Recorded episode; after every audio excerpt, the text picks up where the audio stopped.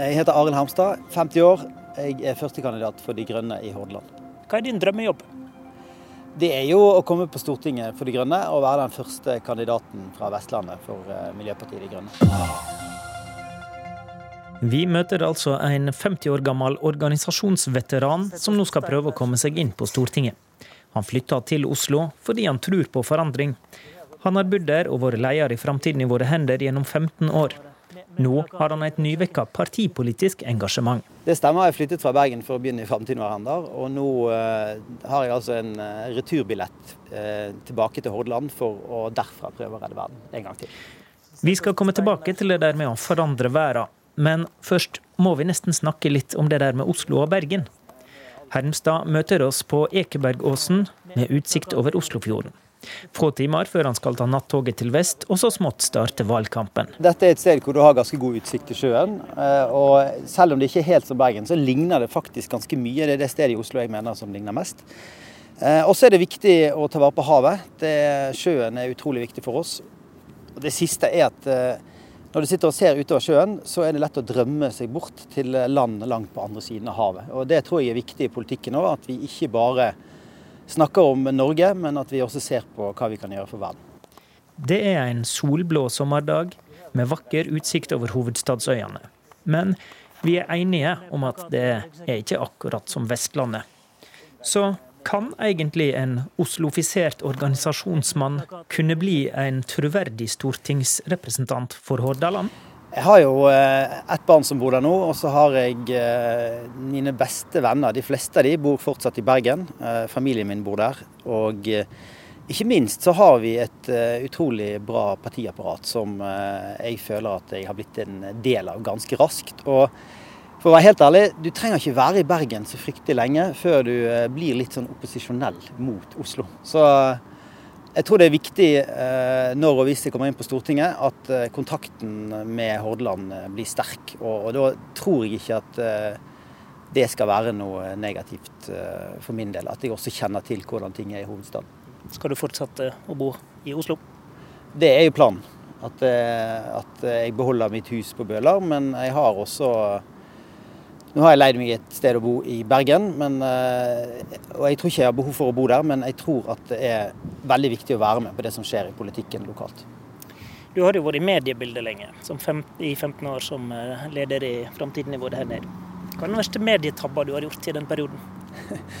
Nei, eh, Det verste var når jeg skulle på en direktesending på Her og Nå og feilberegnet hvor lang tid det tar å kjøre opp til Tyholttårnet i Trøndelag. Og kjørte så fort jeg turde og løp det jeg kunne inn i studio. Og når jeg kom frem, så var sendingen akkurat over. da vinner en ikke debatten. Nei, eh, ja. Så den eh, var ikke helt god. Jeg har også en gang eh, eh, glemt å stille på God morgen Norge på TV 2. Eh, og da Det skyldtes egentlig en misforståelse, men de hadde jo prøvd å ringe meg sånn 34 ganger på morgenkvisten uten å få tak i meg. Så det var også litt pinlig.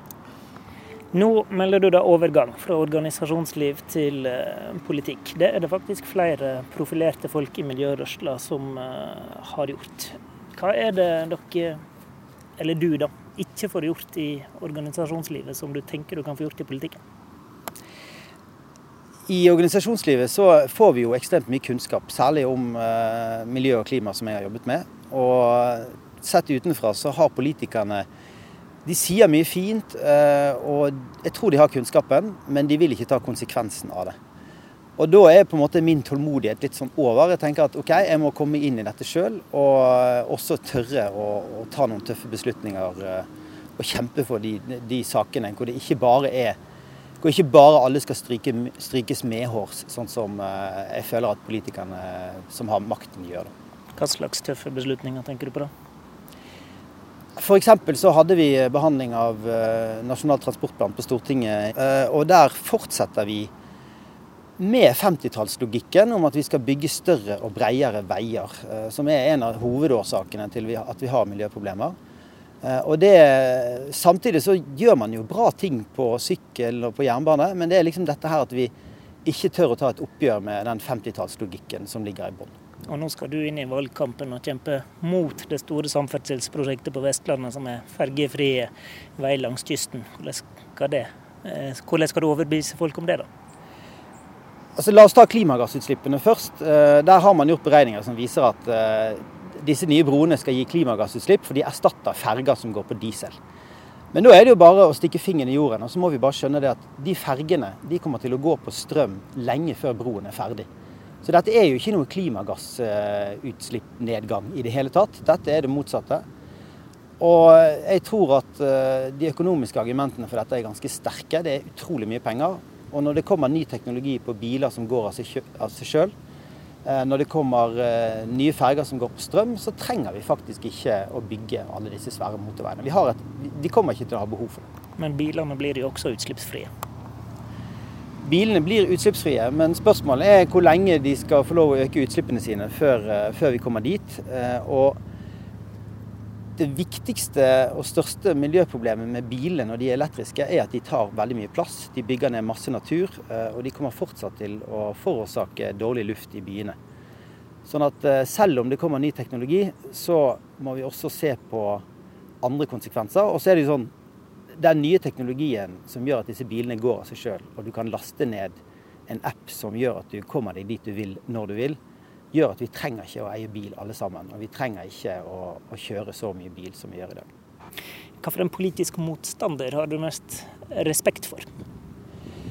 Eh, vår tydeligste politiske motstander er Frp, og de har en politiker som heter Ketil Solvik-Olsen. Han eh, er jeg rykende uenig med når det gjelder politikk og løsninger, men eh, jeg syns han er flink til å sette seg inn i sakene. Han eh, er grundig, og når han satt i energi- og miljøkomiteen, så var vel han den som var vanskeligst å sette fast av de som satt i komiteen på den tiden. Noen av eh, dine kollegaer fra miljørørsla, Haltbrekken og Kaski f.eks., har jo gått til eh, SV. Eh, måtte det bli MDG for deg? Eh, for min del var De Grønne et opplagt valg, fordi eh, der setter vi miljøsaken over andre saker. Det er viktigere å sette miljøet først enn å være på borgerlig eller på sosialistisk side. Så det var avgjørende for meg. Eh, I tillegg så er De Grønne det eneste partiet som er helt tydelig på at vi må stille spørsmålstegn ved om forbruksvekst, mer materielt forbruk, er det vi skal satse på i fremtiden. Vi vil ha et samfunn preget av livskvalitet. Eh, vi får dette med kortere arbeidstid, og det betyr at vi ønsker andre verdier enn bare økt eh, materielt forbruk. Er du i større grad enn de kollegaene fra Røsla en ensakspolitiker da, kanskje? Jeg vet ikke om det er lett å si at miljøsaken er en sak. Jeg, jeg mener at den er veldig mange saker, men i tillegg så har jo mitt engasjement det skyldes eh, solidaritet. Altså jeg eh, dro til Latin-Amerika og fikk eh, mitt engasjement der, først og fremst pga. urettferdighet. Og, og det, så jeg har et sterkt sosialt engasjement også, som etter hvert tror jeg også kommer til å vise seg i politikken. Er du da, med det du forteller nå med ditt slagord, er du en livsstilsmisjonær?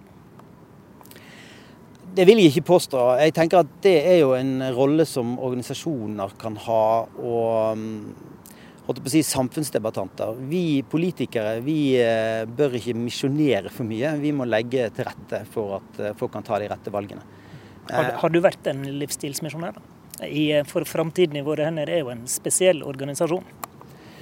Eh, livsstilsstempelet hadde vi jo fordi vi hadde et blad lenge, for lenge, lenge siden som het Ny livsstil. Eh, og men det var ganske viktig i organisasjonen å komme over på at dette handler om muligheter, og at folk skal inspireres til å gjøre enkle tiltak. Og så må jo politikken komme etter. Og Det er nok en av mine frustrasjoner, at jeg føler at politikken den kommer ikke etter. Nå har vi næringsliv som gjør fantastiske fremskritt. Eh, vi har masse folk som vil være med. Men politikerne henger fast i en 50-tallslogikk som, som, er preget av at uh, mer alltid er bedre. Uh, ta f.eks. Dette med plast. Sånn man, eh, plast var kjempebra på 50-tallet, masse fremskritt. I dag er det i ferd med å bli et alvorlig problem som struper livet i havet. Og må vi, eh, Da må vi liksom endre tankegangen. Mm. Men Er det da politikkens oppgave å legge til rette for at eh, jeg og du forandrer vår livsstil? da? Det er vi nødt til å gjøre. Altså, vi er nødt til å sette noen skranker på klima og på miljø. Og det kan nok være upopulært på kort sikt, men på lang sikt så tror jeg at det er det som skal til for å redde jordkloden. Og så tror jeg faktisk også at det er ikke nødvendigvis et offer for folk flest å gjøre ting annerledes. Det koster litt i starten, men vi må også spørre hvilket samfunn vi ønsker oss. Om vi ønsker vekt på livskvalitet og ta vare på jordkloden, eller om vi ønsker å tenke at vi skal alltid ha mer for å få det bedre. Alle partier har sin kultur. Miljøpartiet De Grønne har sin. Og er du f.eks. på et MDG-landsmøte, så kan du fort få ei kjensle av at du må være med på ei hel pakke. Alle som skal dit, tar toget, og de går fra stasjonen til landsmøtehotellet, sjøl om det er et godt stykke og oppoverbakke. Det er flere strikka gensere der enn på andre landsmøter, og sjølsagt er festmiddagen et vegetarmåltid. Kan det være at kravene til livsførsel er litt for strenge for å engasjere seg i De grønne, spør vi MDG-kandidat Arild Hermstad. Altså Miljøpartiet er, har jo tradisjonelt vært et lite parti, er i ferd med å bli et mye større parti. og Det betyr at vi tiltrekker oss flere folk som har mange ulike veier inn i uh, miljøsaken. Sånn at jeg uh, tror det skal være en fin overgang. Og jeg er definitivt en av de som mener at vi må uh, Det skal ikke være noen pakke for å være med i Miljøpartiet. Og du kan godt være litt sur når du ikke får kjøtt på landsmøtet. Det må være greit. Det, ja, du vil senke den terskelen litt? Det handler jo ikke om å få noen få til å gjøre alt riktig, men det handler om å få veldig mange til å begynne å gjøre mer ting riktig. Så det tror jeg er en mye viktigere politisk oppgave enn at vi skal eh, passe på at eh, et mindretall gjør alt rett. Og pragmatikeren Hermstad har jo også kjørt eh, dieselbil, har jeg fått vite. Gjør du det fortsatt? Eh, nå har ikke vi bil i det hele tatt, eh, så nå deler vi bil i eh, bilkollektivet. Og av og til låner vi bensinbilen til naboen hvis det kniper. Men, så nå gjør du ting i pakka riktig sjøl, da? Ja, jeg har, føler vel egentlig at det ikke har vært noe stort problem om, om, man har en bil som man bruker av og til. Og mm, det er jo også sånn at noen ganger så flyr jeg også når jeg skal frem og tilbake til Bergen. Ikke, jeg har ikke all tid i verden til å ta tog. og Derfor er det også viktig å jobbe for et mye bedre togtilbud for alle. Er det synet på vekst som er den store forskjellen på dere og de andre? På en måte kan du si det. Eh, det er jo ikke sånn at eh, De Grønne er imot vekst, men det er bare sånn at De Grønne setter andre mål høyere enn vekstmålet. Og Det betyr også at vi er mer kritiske til den tradisjonelle grå veksten som medfører en haug med miljøproblemer. Hva slags vekst er fin? For F.eks. så ser vi utover masse båter som ligger her. Eh, og bygge de om, eller å bygge nye båter som ikke slipper ut, og som ikke bruker diesel, og som går på strøm eller hydrogen, er jo en fantastisk mulighet for Norge. Vi kan bli en ledende nasjon innenfor utslippsfri kystfart. Eh, vi har opplevd en veldig bra utvikling i Norge når det gjelder elektriske biler. Det betyr at vi bygger ladestasjoner, får masse kunnskap om hvordan vi gjør det. Og så er det jo ingen tvil om at matproduksjonen vår kan gjøres mer bærekraftig. Og da kan den også øke formidabelt hvis vi eh, spiller kortene rett i oppdrettsnæringen på Vestlandet f.eks. og i resten av landet. Jeg tror at eh, Norge har enorme muligheter, og vi kan være et land som eh, bidrar til å løse mange av de store miljøproblemene. Så du er åpenbart en optimistisk kandidat, du? Definitivt. For å være ærlig så tror jeg ikke at jeg hadde klart å beholde mitt miljøengasjement så lenge hvis jeg ikke trodde at det gikk an å løse problemene. Da føler jeg det er naturlig å komme fram til eh, slagordet ditt? Jeg tenker at uh, vi må spre optimisme. Uh, veldig mange føler nok at det kan se litt stort og vanskelig ut noen ganger. Men vi har enorme muligheter til å ta vare på jordkloden vår. Også viktig å fortelle folk at det er fullt mulig å få det til. Og dette er noe vi kan klare sammen.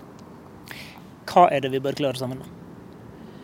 det er å si nei til den gammeldagse tenkningen som baserer seg på at 50-tallets løsninger eh, er fremtidens løsninger, og heller omfavne et samfunn som setter livskvalitet foran eh, økonomisk vekst, og hvor vi tar i bruk all den moderne teknologien som vi nå har muligheten til for å løse masse miljøproblemer. Jeg tror det er mange som tenker det er overveldende, og at Norge er et altfor lite land i verden til at det betyr noe hva vi gjør. Hva for et slagord har du valgt å ville profilere? Klart vi kan redde verden.